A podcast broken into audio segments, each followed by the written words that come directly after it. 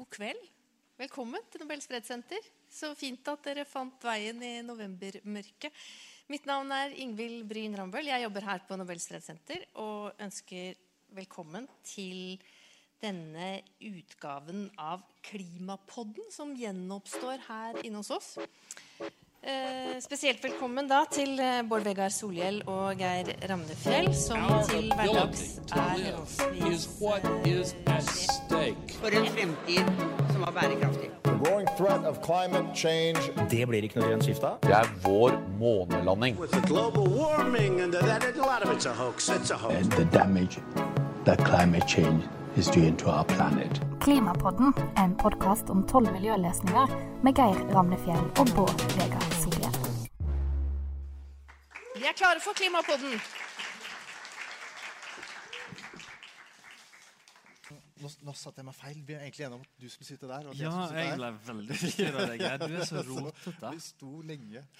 Okay. Uh, ja, velkommen til uh, denne eh, Klimapodden live fra Nobels fredssenter. Vi skal ha et eh, forrykende show om, eh, om klimaendringer og konflikt. Eller hva, Bård Vegar? Det er sånn jeg òg ville sagt det. Ja. Vi, vi skal i hvert fall ha en veldig interessant samtale med spennende gjester om det som er en veldig alvorlig, men ikke så mye omtalt konsekvens eller side ved, ved klimaendringene.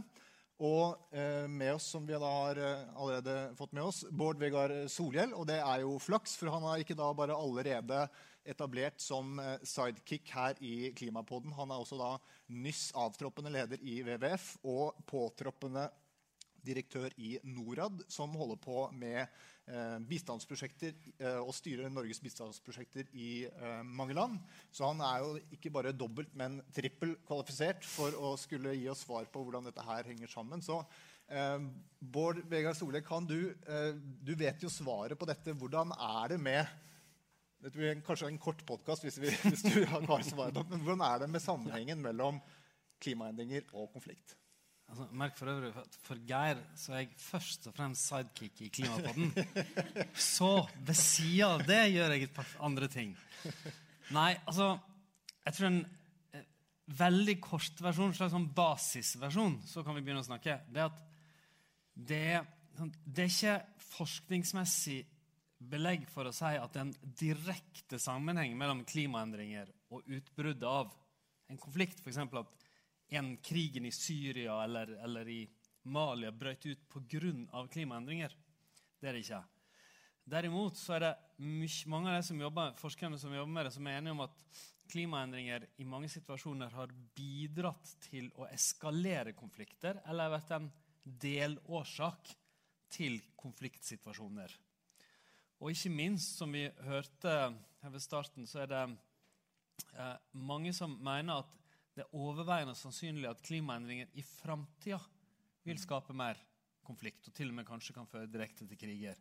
Og det er Særlig gjennom at eh, store områder, altså ressursene mennesker lever av, kan, bli, kan forsvinne gjennom jorderosjon og utarming av jord. altså blir tøffere kamp om ressurser. Eh, eller ørkenspredning, mangel på vann, andre ting som skaper en vanskelig ressurssituasjon. Eh, og det, det er kanskje det som er det mest skremmende. Og da selvsagt migrasjonen som kan være knytta til det. Store for, for, eh, forflytninger av folkegrupper, som òg ofte er forbundet med konflikt. Jeg skjønner at det var litt lenger enn den korte ensetningen du sa, men la oss begynne der. Ja, vi, vi begynner der. Ja, men Nå har du på en måte pensa oss inn på, på mye av det vi kommer til å komme tilbake til eh, med gjestene som skal komme opp på scenen her, eh, her eh, etter hvert. Og så er det jo også en, litt av forklaringen på hvorfor dette her er en tematikk som ikke eh, like mye preger debatten om klimaendringer, fordi det er litt mer diffust og det er litt mer usikkert og litt langt fram i eh, Eller det føles litt sånn langt fram i tid. Det var presis, syns jeg. Tusen takk. Eh, men da tror jeg vi skal eh, invitere den første gjesten opp eh, på scenen. Det er en av Norges mest omtalte klimaledere nå. Hun er den første klimaaktivisten som noensinne er blitt Unicef-ambassadør, og den nest yngste noensinne. Gi en varm applaus til Penelope Lea!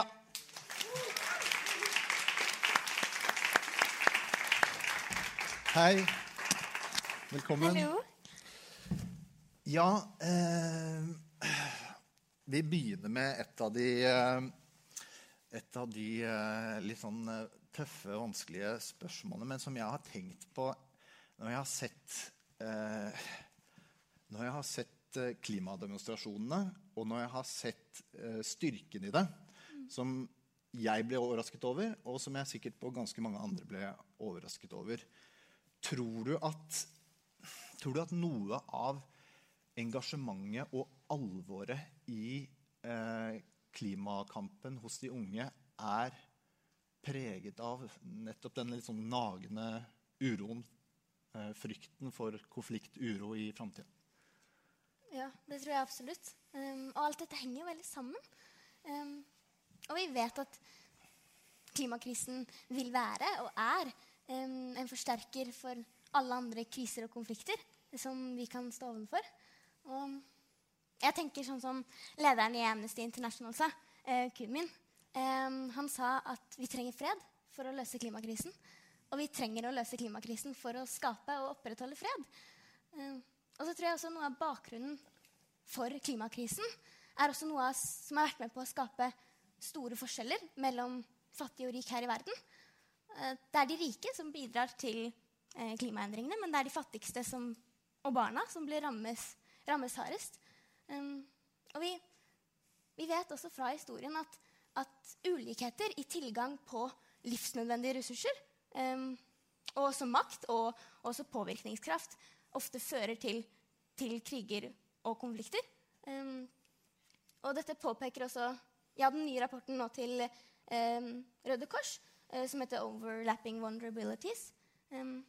Jeg tror, noe, jeg tror faktisk da noe av løsningen, eller kjernen i løsningen av klimakrisen ligger her. For jeg, jeg, eller jeg mener bestemt da at klimakampen er en solidaritetskamp. Um, og at vi må fordele verdens ressurser bedre og likere. Eh, eh, du har vært med i mange diskusjoner og paneldebatter som dette. Eh, så utrolig bra at du engasjerer deg. Hvor, hvor irriterende på en skala fra én til ti er det, er det utsagnet? Det, det kommer jo også veldig an på hvem som sier det, og hva er liksom hensikten um, og målet med å si det er. Og hvis det sies, hvis det sies veldig nedlatende og som en hersketeknikk, også for å la være å ta ansvar selv, så blir jeg veldig eh, fortvilet eh, og irritert. Um, Men jeg kan få lov til å si det nå. på ti, Ok. Ja. Ja. Og sånn, og sånn generelt eh, når det gjelder manipulasjon, um, og generelt også manipulasjon innenfor spesielt da klimapolitikken, så har jeg syntes det har vært vanskelig som ung å se igjennom. Um, og jeg syns det fortsatt. Mm. Og når jeg fortsatt møter hersketeknikker og manipulasjon i dag i den politiske debatten, eh, og også klimadebatten, så blir jeg veldig fortvilet. For eh, vi har ikke tid til det. Men- vi har men- ikke tid til å undergrave hverandre. Men, men hva kan, altså sånn, vi, vi rydder dette her av banen, tenkte jeg vi kunne ha en liten sånn sekvens av det. Hva, hva skal folk si når de egentlig ikke har lyst til å gjøre noe, men, eh, men har lyst til å anerkjenne at eh, det du gjør, er bra? Jeg vil bare si, si, ta seriøst, rett og slett. Ja. Og ta forskningen seriøst. Um, et av eh, kravene fra, eh, fra, fra klimastreikerne det er 65 milliarder årlig i eh, klimabistand til eh, u-land. Eh, handler motivasjonen bak For det er jo bare tre krav, ikke sant? så det er jo velvalgte Ja, punkter. Handler motivasjonen bak dette da ene kravet om nettopp frykten for krig og konflikt? Ja, det tror jeg er en del av det. Og så handler det også om nødvendigheten for det. Um, og nå har jeg sittet i, nå har jeg sittet i Barnas Krimpanel, som samler inn innspill fra, fra barn rundt om i hele Norge um, veldig lenge. Og vi ser en endring i innspillene um, nå de siste årene. At flere og flere barn er opptatt med dette av klimabistand og har et engasjement rundt det. Og er opptatt av hvordan andre barn andre steder i verden har det. Og om vi i Norge, som et rikt land som har nesten alt vi trenger, tar vårt ansvar um, og gjør det vi kan. Og jeg har sagt det før, men jeg tror også det er veldig viktig å si det igjen. For det er sånn at barn og unge i dag føler et globalt ansvar og et globalt fellesskap og samhold på nye måter. Um, Og jeg tror det er mye av, av vi samarbeider, samarbeider um, og føler på litt de samme følelsene. Men jeg tror også det er fordi vi har den samme fremtiden foran oss, eller deler fremtiden eh, foran oss. Og jeg tror også jeg tror mistilliten mellom den eldre generasjonen, eller de, de som styrer nå, og de unge, har blitt veldig stor. Eh, det foregår klimasøksmål over hele, hele verden, og det er også klimasøksmål i Oslo um, her nå, um, som jeg kunne ønske fikk mer plass i media. Men, eh, så jeg, og jeg tror også den mistilliten har ført til at barn og unge kanskje føler seg nærmere hverandre. Um, selv om vi ikke kommer fra samme land, enn det vi gjør selv til vår egen regjering og stat. Em, og så møter jeg også og jeg tror også når, ofte når folk sier at vi i Norge og vi som rike land vil ikke bli rammet like hardt av klimaendringene, så er det veldig sant. Um, men jeg tror også for mange unge så føles det ikke helt sånn ut. Iallfall ikke for meg. Um, jeg har fått venner over hele verden. Og, når de, og når de mister hjemmene sine eller drikkevannet sitt eller eh, medisinene sine eller hjemmene sine, og, eller når de blir fanget i midten av konflikter der, og kriger der eh, mangel på ressurser blir brukt som våpen, så vil jeg føle det. Um, og det vil påvirke mine tanker um, og hva jeg gjør i hverdagen min. Og det tror jeg det er for veldig mange andre unge også. Og, og så en ting til, så tror jeg også disse tallene, bak disse tallene så ligger det også en visshet om at klimaendringer vil koste mye. Og det vil være dyrt, og spesielt for de fattigste. Og nå tenker jeg på vennene mine i Bahamas Plastic Moment. Det kommer jo til å koste veldig mye for dem. Jeg, jeg er sikker på at du Bård Vegar, du støtter alle de tre klimastreikernes eh, krav. Men du er kanskje særlig begeistra nå som skal få ny jobb for det med 65 milliarder til eh, bistand. Veldig begeistret. Hvis det kom i tillegg til oss, Nå hadde jeg lært med en gang at det må man si. Nei, men jeg, altså, jeg må si når jeg, sant, når jeg hører på Penelope nå, så tenker jeg litt sånn at altså, Det er sånn nesten irriterende at det jeg sier snirklete på tre minutter, det klarer du å si forståelig på 20 sekunder. Og det er jo en, det, det er et eller annet med den generasjonsgreia nå. Hvis du tenker på den, det klimastreikene sant? Det, Jeg har drevet med miljø i sånn mange tiår, og andre i over 50 år. Som folk prøver å mobilisere. Så kommer en svensk 15-åring og setter seg alene utenfor Riksdagen i Sverige. Og et halvt år senere så er det den største klimademonstrasjonen noensinne. Det er jo det er et eller annet som har skjedd. da. Og det, og det er veldig sånn det At det måte bare spredde seg fra land til land, som du liksom er inne på. Det kan være noe Jeg synes jeg senser det at det er at en veldig sånn generasjonsendring i verdier måte, og, og, og følelse av kanskje mer at det, at det her er noe som angår oss som en verden. Som, eh, som er en Ja, som jeg vil jeg si føler jeg at det er det mest håpefulle som skjer med klimastreiker nå. At det, hvis det er en ordentlig endring i verdier blant ungdom, for da vil det slå tungt, tungt inn i politikken Ja. eh, framover. Og hvordan, altså sånn, nå snakker vi overordna politisk, og, og sånn, men hva er, hva er din følelse av, av eh, Vi skal komme mer tilbake til krig og konflikt eh, et øyeblikk. eh, bare fullføre dette. Men hva, hva, hva, hva er ditt inntrykk av engasjementet blant uh, unge når det gjelder å gjøre direkte ting som f.eks. Eh, ta toget istedenfor å fly eller redusere flyreiser. Eh, spise mindre kjøtt. Altså, hva, hvordan syns du det ser ut ut fra din synsvinkel? Ja, jeg opplever at det er veldig vanlig å ta toget og ikke fly og spise um, være vegetarianere. Um, Og så blir det bare vanligere og vanligere. Og så, jeg tror også det kommer an på veld, veldig an på hvilket miljø du er inne i. Og hvis du er veldig liten, så kan du jo ikke bestemme det selv. Um, men ja, jeg tror, jeg, tror det blir, eh, jeg tror det er vanlig. Og det handler jo også om kunnskap. Um, hver gang jeg lærer noe nytt, så finner jeg nye måter jeg kan bidra på. Og måter jeg endrer livet mitt på. Kan jeg spørre, fordi Du er jo fra Oslo. og jeg, Nå bor jeg i Oslo-området litt utenfor Oslo, men jeg vokste opp i ei lita bygd på Vestlandet. Og den gangen så husker jeg, når jeg flytta til Oslo, for å begynne å studere, så opplevde jeg ganske stor forskjell liksom, i hvordan det hadde vært å vokse opp i ei lita bygd og i Oslo. Og litt sånn i, i verdier. Hva er ditt inntrykk nå? Hvor, hvor mye er det foreløpig et storbyfenomen? F.eks. å spise mindre kjøtt og ikke kjøre så masse bil osv. Hvor mye er det mer sånn en generasjonsendring som er lik over hele Norge? I alle fall blant, jeg kan snakke på vegne av barn og unge. Da. Em, og da føler jeg at det er en generasjonsendring. Jeg føler at, at um, mange barn og unge over hele verden, eller over hele landet, uansett hvilke byer de kommer fra, um, er veldig opptatt av dette. Em, og det tror, jeg tror rett og slett jeg syns det er veldig vakkert. Og når jeg får disse innspillene, eller vi får disse innspillene, så er det veldig vakkert å lese at liksom Hans ni år skrev dette. em, og Lina ti skrev dette. Em, det, viser, det viser at det er så mange, rett og slett. Og jeg tror at jeg er også veldig opptatt av liksom vårt som folk. Eh, folk eh, sin, sin rolle i et demokrati.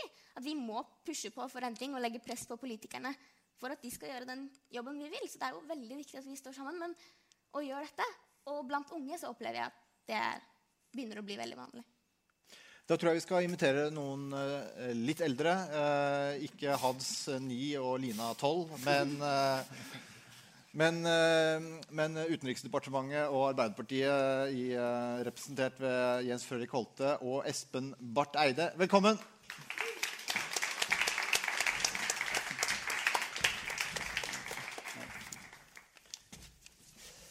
Eh,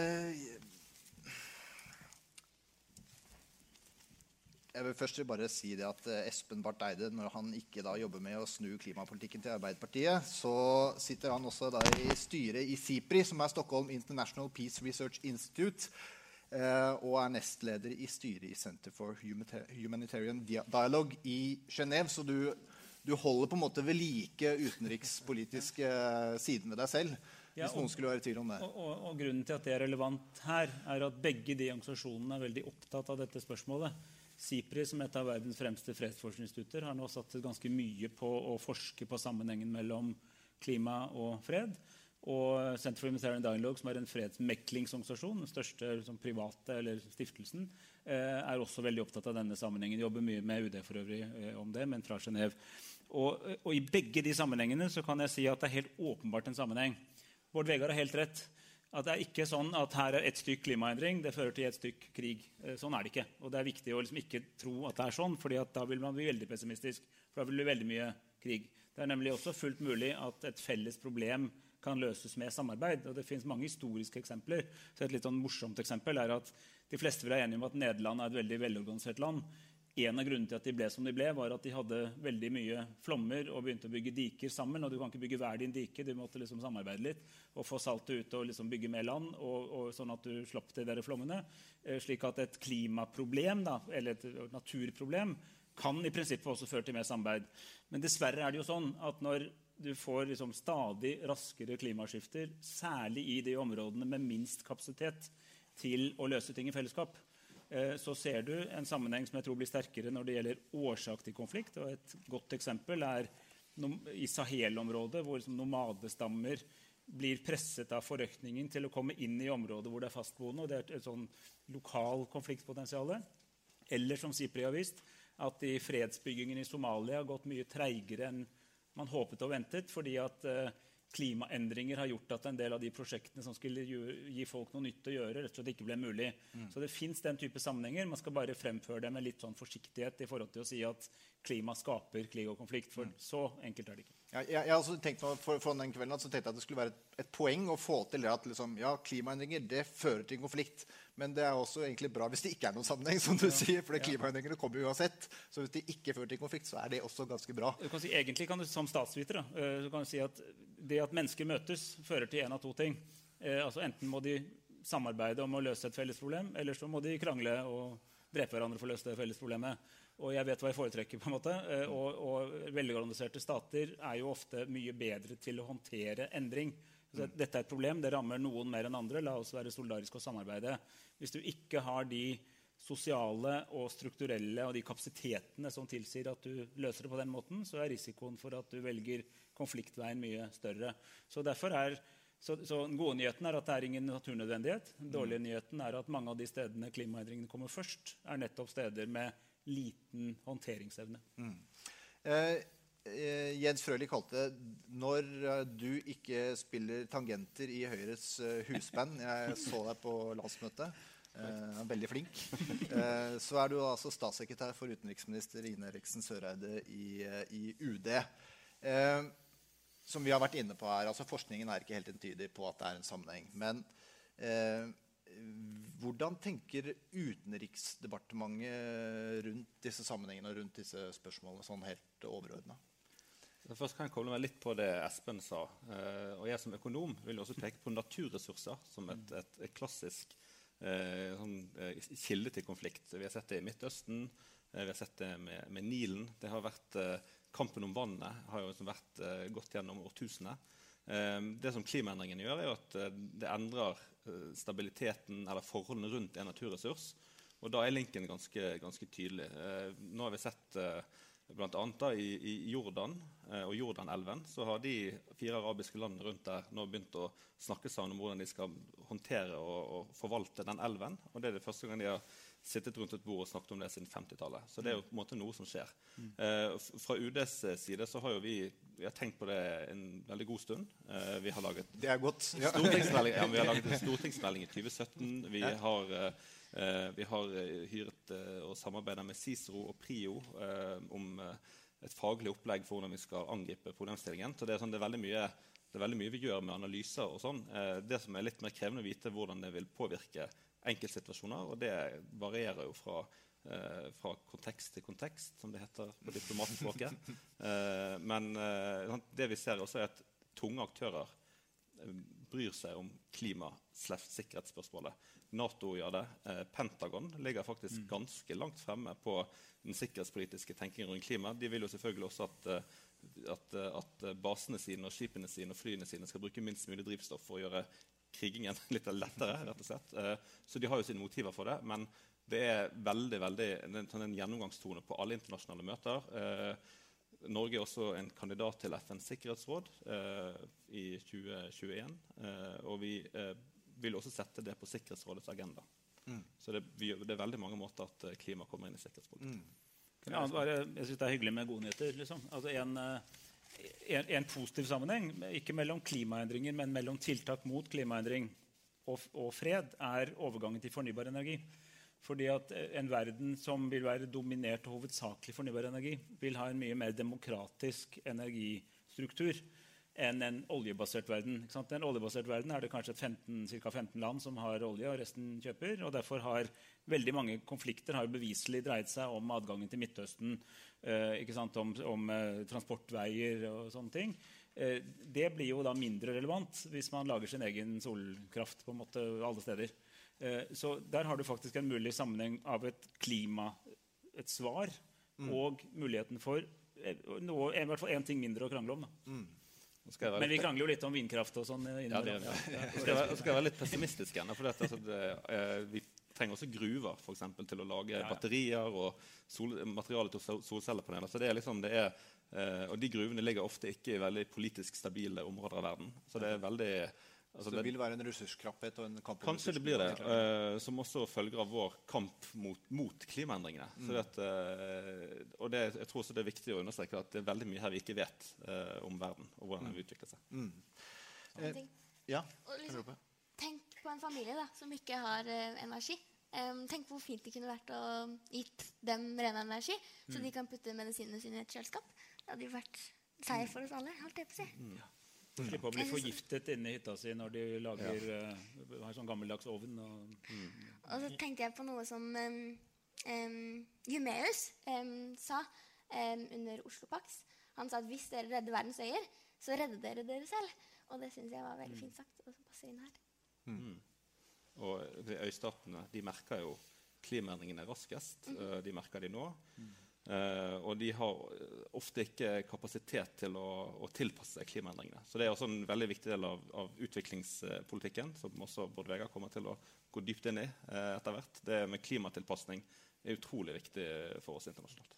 Hvis jeg bare kan hekte meg på det Penelope sa først òg, at ganske mye av det vi kan gjøre i fattige land, og den politikken vi fører der, eh, kan både være med på å forebygge konflikt, redusere fattigdom og begrense klimaendringer. Og, og du nevnte selv et eksempel, altså bygge ut sol, eller gi tilgang til for enkle solcellepaneler til lys, ovner som er rentbrennende og ikke livsfarlige, er sånn, det er energi til mennesker, reduserer fattigdom, eh, reduserer behov for annen eh, energi, og det er, som gjør det lettere å bo i et område, så færre mennesker trenger å flytte og migrere til andre områder.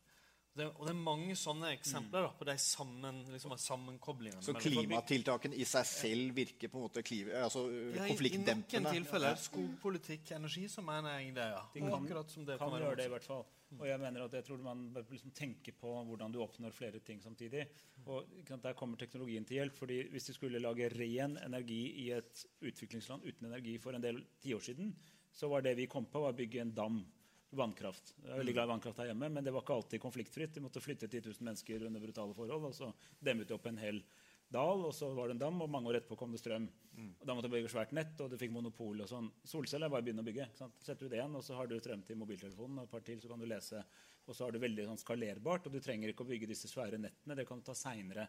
Så det er mye raskere å gi folk eh, energi, ren energi nå, både enn å bygge kullkraftverk eller vannkraftverk sant, i, i de landene. Så det, Hvis du i tillegg da tenker at du passer på at landsbyrådet bestemmer hvordan dette skal organiseres, og lager litt sånn demokratiske prosesser rundt det, så kan du også få et fokus på ting som kan brukes senere til å løse andre problemer i, i f.eks. landsbyen. Så og så er det en fordel å se når du ser på liksom, de positive virkningene av klimatiltak utover CO2-kuttene, så blir det også lettere politisk å få oppslutning om klimatiltak. Og, og det trengs i verden. for det er ganske mange land som subsidierer bensin, eh, for eksempel, og Hvis du prøver å kutte i de fossile subsidiene, så blir det opptøyer og demonstrasjoner. Ecuador eh, er et eksempel hvor de, måtte, hvor de prøvde å kutte ned på subsidiene av, av bensin, og det gikk ikke så bra.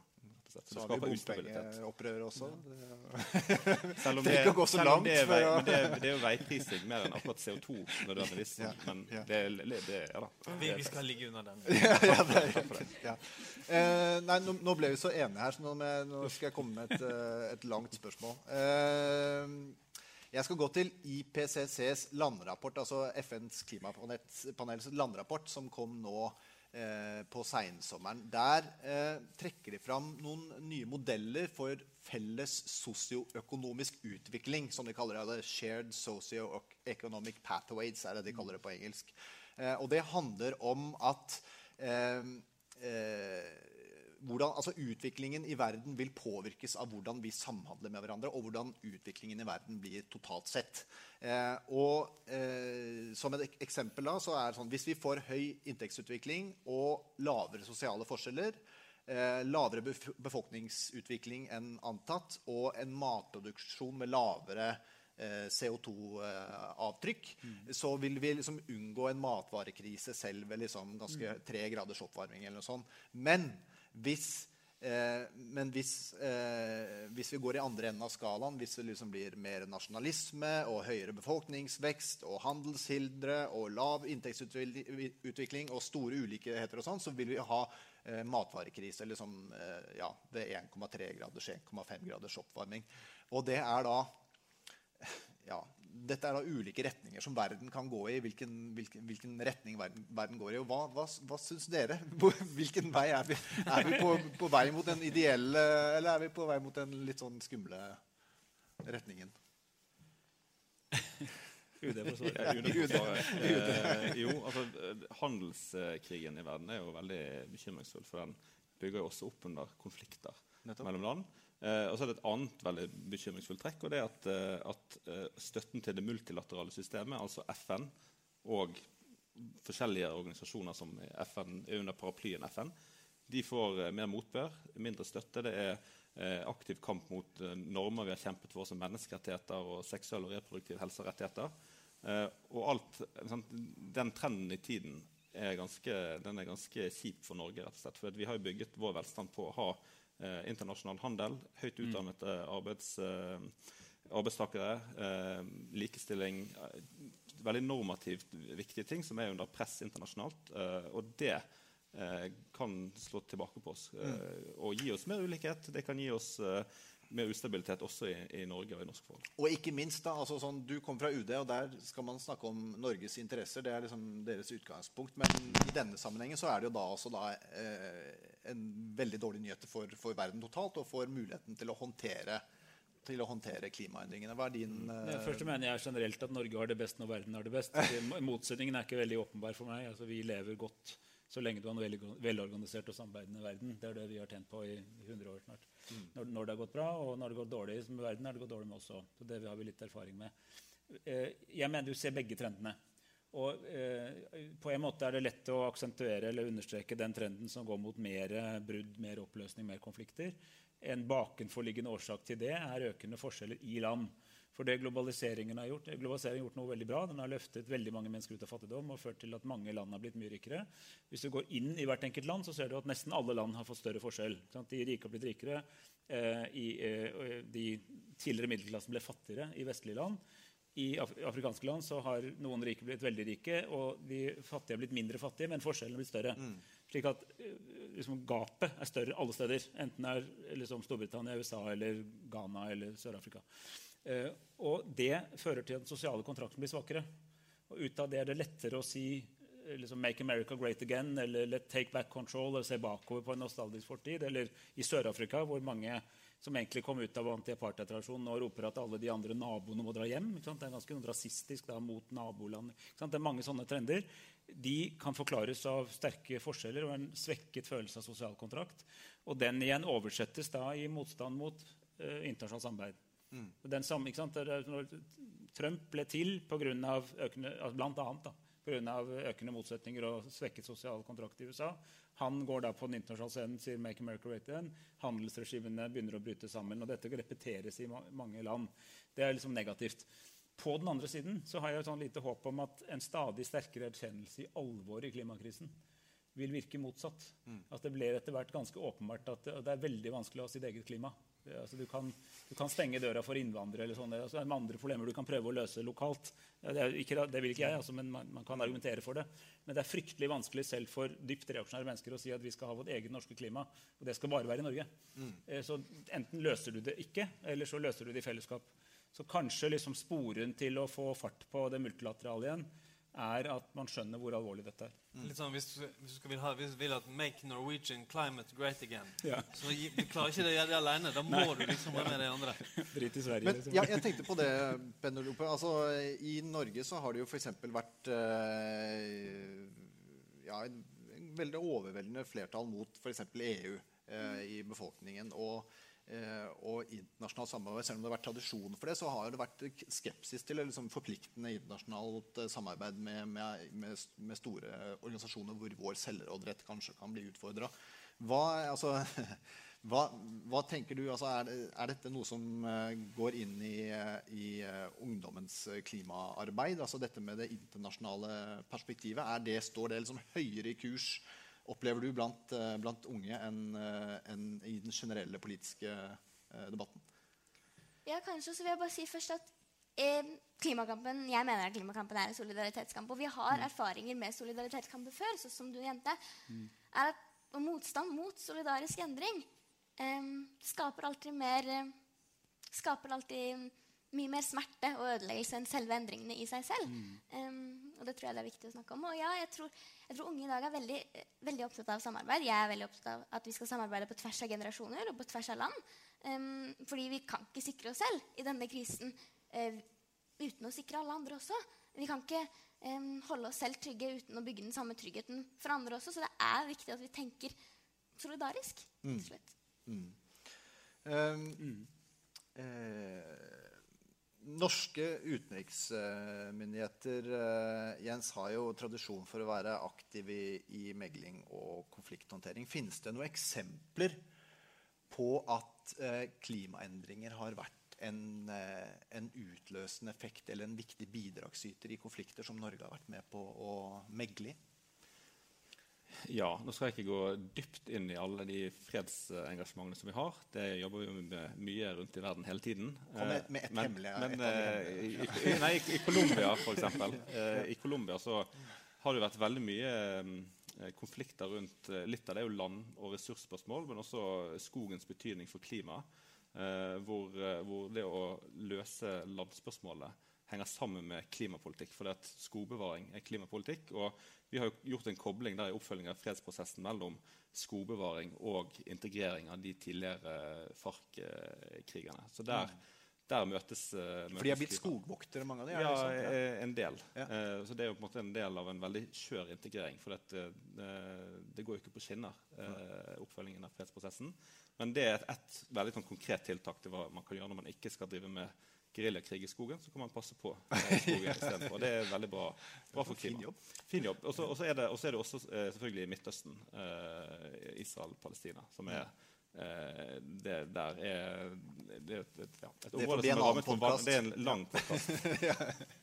Jeg lurer jeg, jeg kan stille dere et um, spørsmål eller tre. det er sant, hvis, det, hvis det er så, Nå har vi lenge sittet her og argumentert for at uh, sant, klimakampen er en solidaritetskamp. Det har med forskjeller og mellom fattige og rike å gjøre.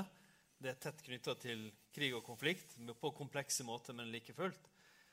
Og da er spørsmålet bør, bør ikke klima Jeg hører at det er litt ledende, når jeg spør sånn men bør ikke klima da òg være enda mer sentralt i utenrikspolitikken vår i årene som kommer? Jens, skal du Jo, eh, og det er litt av grunnen til at vi vil eh, ta klima- og sikkerhetsspørsmålet inn i FNs sikkerhetsråd hvis vi blir valgt. Nå er det valg i juni 2020. Eh, vi er på valgkamp eh, og snakker med alle verdens land for å få dem til å stemme på oss. Og, og det å Alle som hører på Klimapoden, de må stemme på oss. verden, ja. Ikke sant? Um, globalt publikum, antar jeg. Ja. Spesielt alle norsktalende diplomater. I mange øystater, i. Stillehavet, Ja, eh, men, eh, men poenget er at det å sette klima på dagsordenen i FNs sikkerhetsråd, det er ikke noen dans på roser heller. For de, de permanente medlemmene, eller faste medlemmene, USA, Russland, Kina, UK og Frankrike, de er, eh, de er skeptiske til det. For de mener at vi skal diskutere landsituasjoner og spesifikke ting. Eh, Storbritannia og Frankrike er mer positive til det. Og Tyskland har sittet i rådet nå, løftet den debatten veldig, veldig tydelig og fått det inn i, i resolusjoner og uttalelser, en henvisning til klima.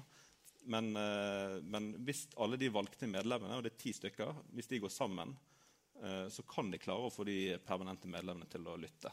Mm. selv om det krever veldig godt diplomatisk eh, håndverk. Og der har Norge en stor fordel, for vi har, vi har jo jobbet med klimapolitikk eh, lenge. Eh, Vi har jobbet med sikkerhetspolitikk og fredsforhandlinger lenge, så vi har veldig god kunnskap til de forskjellige landsituasjonene rundt i verden. Eh, Så det å, å, å se den koblingen til klima, tror jeg, der har vi et spesielt fortrinn eh, Mm. også, som ikke andre land har. Ja, jeg er bare lyst, jeg er enig, og så mener jeg at eh, og jeg, Vi støtter jo veldig aktivt om, eh, om kampanjen. Jeg mener det hadde vært veldig bra om vi kunne både komme inn, men også løfte klimaet i Sikkerhetsrådet. Så det er full enighet om. Eh, jeg har lyst til, de som er interessert i akkurat det spørsmålet, bør lese en eh, artikkel i Internasjonal politikk fra i sommer. Tidsskrift Internasjonal politikk. Eh, Bl.a. Ole Jakob Sending, og, eh, eh, som skrev en artikkel om uh, utenrikspolitikk og klima, hvor de forfatterne påpeker at det er nærmest eh, det er nesten ingen aspekter ved utenrikspolitikken som ikke etter hvert vil bli påvirket av klimaendringer. Og det må liksom integreres på en helt annen måte enn det de fleste land i hvert fall har gjort så langt. Det er ikke bare et tema til blant mange andre, men det vil liksom påvirke omtrent alt vi driver med. Og det må vi begynne å lære oss å ta inn over oss. Det, det er en kjempeklar, åpenbar sammenheng. Men føler du at det er innarbeida nok eh, Nei. sånn som det er? Det er det ikke. Og det, det er jeg enig i. Ja. Ja, ja, ja. For det, og det, det, dette er en svær megatrend som treffer oss i trynet. Og vi Mm. må, altså En ting er å ha det inn i Sikkerhetsrådet, men også, det kommer til å påvirke all vår utenrikspolitikk på ulike måter. Eh, vi er vel snart i ferd med å, eh, med å, eh, med å runde av her. Er det noen ting som du har lyst til å ta opp mer, Bård Vegar, før, før jeg runder av, eller? Nei, jeg er jo bare et sidekick. Ja. Så, eh, nei, jeg syns det har vært en fin samtale. Kan, jeg si, kan jeg få lov å si en liten ting? Ja. Jeg har lyst til å lage en liten kobling tilbake til Penelope og hennes generasjon. og alle de som nå streiker. Jeg tror jo at jeg tror jo faktisk på at dere lager en slags internasjonal bevegelse nå som jeg tror vil være varig, så kanskje ikke streiker hele tiden, men, men? Altså at det etter hvert vil skape en ny stemning. Slik som du så en internasjonal trend på 60-tallet, en slags motkulturell eh, trend med lange politiske positive skygger. da, som konsekvenser. Det tenker jeg kan gjøre at en del av denne beinharde, selvopptatte, innadvendte nasjonalismen egentlig får litt vanskeligere kår. Mm. For ettersom eh, liksom Penelopes eh, generasjon blir velgere, så vil de ta med seg dette engasjementet som de vet at de har delt med folk fra øystater eller Jordan eller hvor det nå måtte være. Så det, det er litt sånn håp. Og jeg tenker at Det som jeg veldig ofte tenkt på når jeg møter Penelope, men også hennes samme, fra samme generasjon, er jo at altså i 2050, når verden skal være karbonnøytral, så er jeg skremmende nok Penelope fortsatt mye yngre enn jeg er nå. Eh, fælt, til og med yngre enn du er nå, eh, regna. Eh, det, med, Han har forberedt seg. da- med, med, andre, med, andre ord, eh, med andre ord veldig mye av liksom, yrkeskarrieren foran seg. Og det er liksom viktig, det, det, når jeg hører på ungdommen, så er det ikke bare liksom budskap fra de unge, som er unge nå, men det er egentlig en sånn melding fra fremtiden. Fordi de som er unge, har tenkt seg inn i hvordan den fremtiden blir seende ut. Og hva er det vi som virker nå, tenker for dem. Og når Det liksom blir, det er jo ikke da bare liksom Greta Thunberg og Penelope og to til. Det er liksom millioner ungdommer. Eh, og, og, så Det tror jeg har en effekt som vil ha politiske konsekvenser. Mm. Så der har du faktisk da en reell motmakt mot det som kjennes som en veldig dominerende og ja, truende Ja. politisk utvikling? Det er derfor eldre, en del eldre hvite menn syns dette er så fryktelig. For de merker jo at liksom, eh, Vi er ikke alle sånn, altså, for men en del opplever at hele deres verdensbilder raser sammen. For er angriper bilen, biffen, øh, olja, øh, verdiene liksom At eldre er bedre enn unge. Og det kommer masse liksom, unge damer og menn, øh, unge menn også og forteller dem hvordan de skal oppføre seg. Og det, er, det de sier, er jo riktig. Og de gamle mennene tar feil. Men det er en voldsom sånn sosial konflikt. Det er veldig, det er veldig alvorlige spenninger rundt dette her rundt omkring. Det er bare se på kommentarfeltene. Jeg prøvde her om dagen å si at det kanskje er lurt å tenke på å ikke kjøpe en ny fossilbil. Og det var det mange som syntes var et veldig dårlig råd. For Det var noen som skulle ha et ord med i laget. Ja, jeg uh, jeg, jeg har lyst til å ha ett siste spørsmål, uh, fordi uh, jeg lurer jo litt på eh, hvorfor dette her er et tema som er ja, litt lite kommunisert, litt lite omtalt i klimadebatten. Og da kommer jeg til å tenke på én ting. at eh, klimaforskere og journalister og aktivister som, som bryr seg, eller som er, akt, som er veldig aktive i klimaarbeidet, de er livredde for å bli tatt i faktafeil. Og jeg merker jo det Når du har forberedt deg, så har du fakta på fakta på fakta som du presenterer for publikum, eh, publikum eh, her i dag. Eh, For Blir man tatt for faktafeil, så sporer på en måte debatten av. Og Er det er det, det, er det, liksom, er det det som er grunnen til at man ikke klarer å snakke så mye om dette? For det er, liksom, det er, så, det er så mye usikkerheter i det at, eh, at vi ikke liksom kan stå fast på, på de faktaene som vi er vant til å hekte oss på i denne debatten.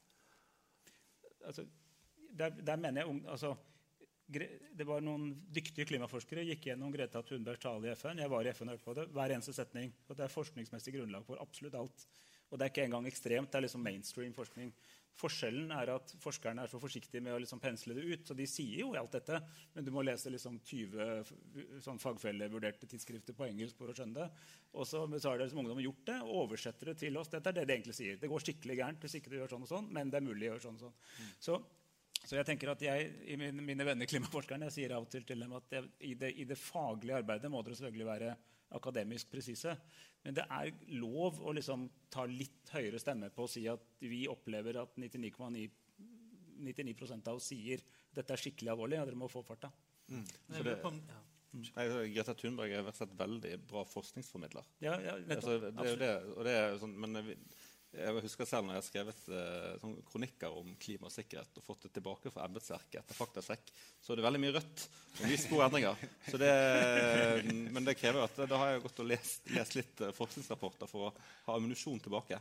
Og så har det, så, men det er, sånn, det er jo alltid en slags sånn konservatisme også i, eh, i departementer, i forskningsinstitusjoner. eh, og, eh, men jeg tror den bevegelsen vil løse opp. eh, Ja, jeg tenker Særlig innenfor dette området, krig og konflikt, at her er det en særlig utfordring. med at, eh, For her er jo forskningen litt mer utydelig, eller litt med vilje litt mer utydelig på sammenhengene som vi, som vi eh, diskuterte. Men for å oppsummere, altså, nå har vi funnet ut at eh, eh, det er ikke liksom, noen direkte sammenheng mellom nødvendigvis i alle tilfeller, men, men, at det er en, men at det er en bra ting. For- Ja, for det, er sånn, det er ikke sånn at kriger bryter ut direkte pga. klimaendringer. Og det skal vi være veldig glad for. Men det er sterke sammenhenger mellom eh, klimaendringer, hvordan det påvirker natur, jordsmonn, eh, vann, tilgang osv., og, så videre, og konflikt. Og det kan bli veldig mye verre, verre hvis vi ikke håndterer det. Og som du var opptatt av i ditt lange spørsmål, hvilken vei verden utvikler seg, har òg betydning. Tre grader er ikke tre grader. Hvis vi klarer å samarbeide godt sammen og, og ha mindre forskjeller og, og handle med hverandre, så er det bedre å og, og ikke minst tilpasse oss klimaendringene. Så er det bedre sjanse for å håndtere det enn i en verden som ikke klarer det. Ok, Tusen hjertelig takk skal dere ha for at dere hørte på. Tusen takk til eh, gjestene våre, og tusen takk til publikum her på Nobels eh, fredssenter.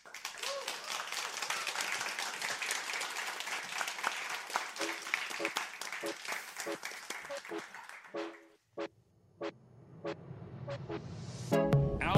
ability to live is what is at stake. For en fremtid som er bærekraftig. The growing threat of climate change. Det blir ikke noe grønt skifte. Det er vår månelanding. With the global warming and that, a lot of it's a hoax. It's a hoax. And the damage that climate change is doing to our planet. Klimapodden, en podkast om tolv miljøløsninger med Geir Ramnefjell og Bård Vegar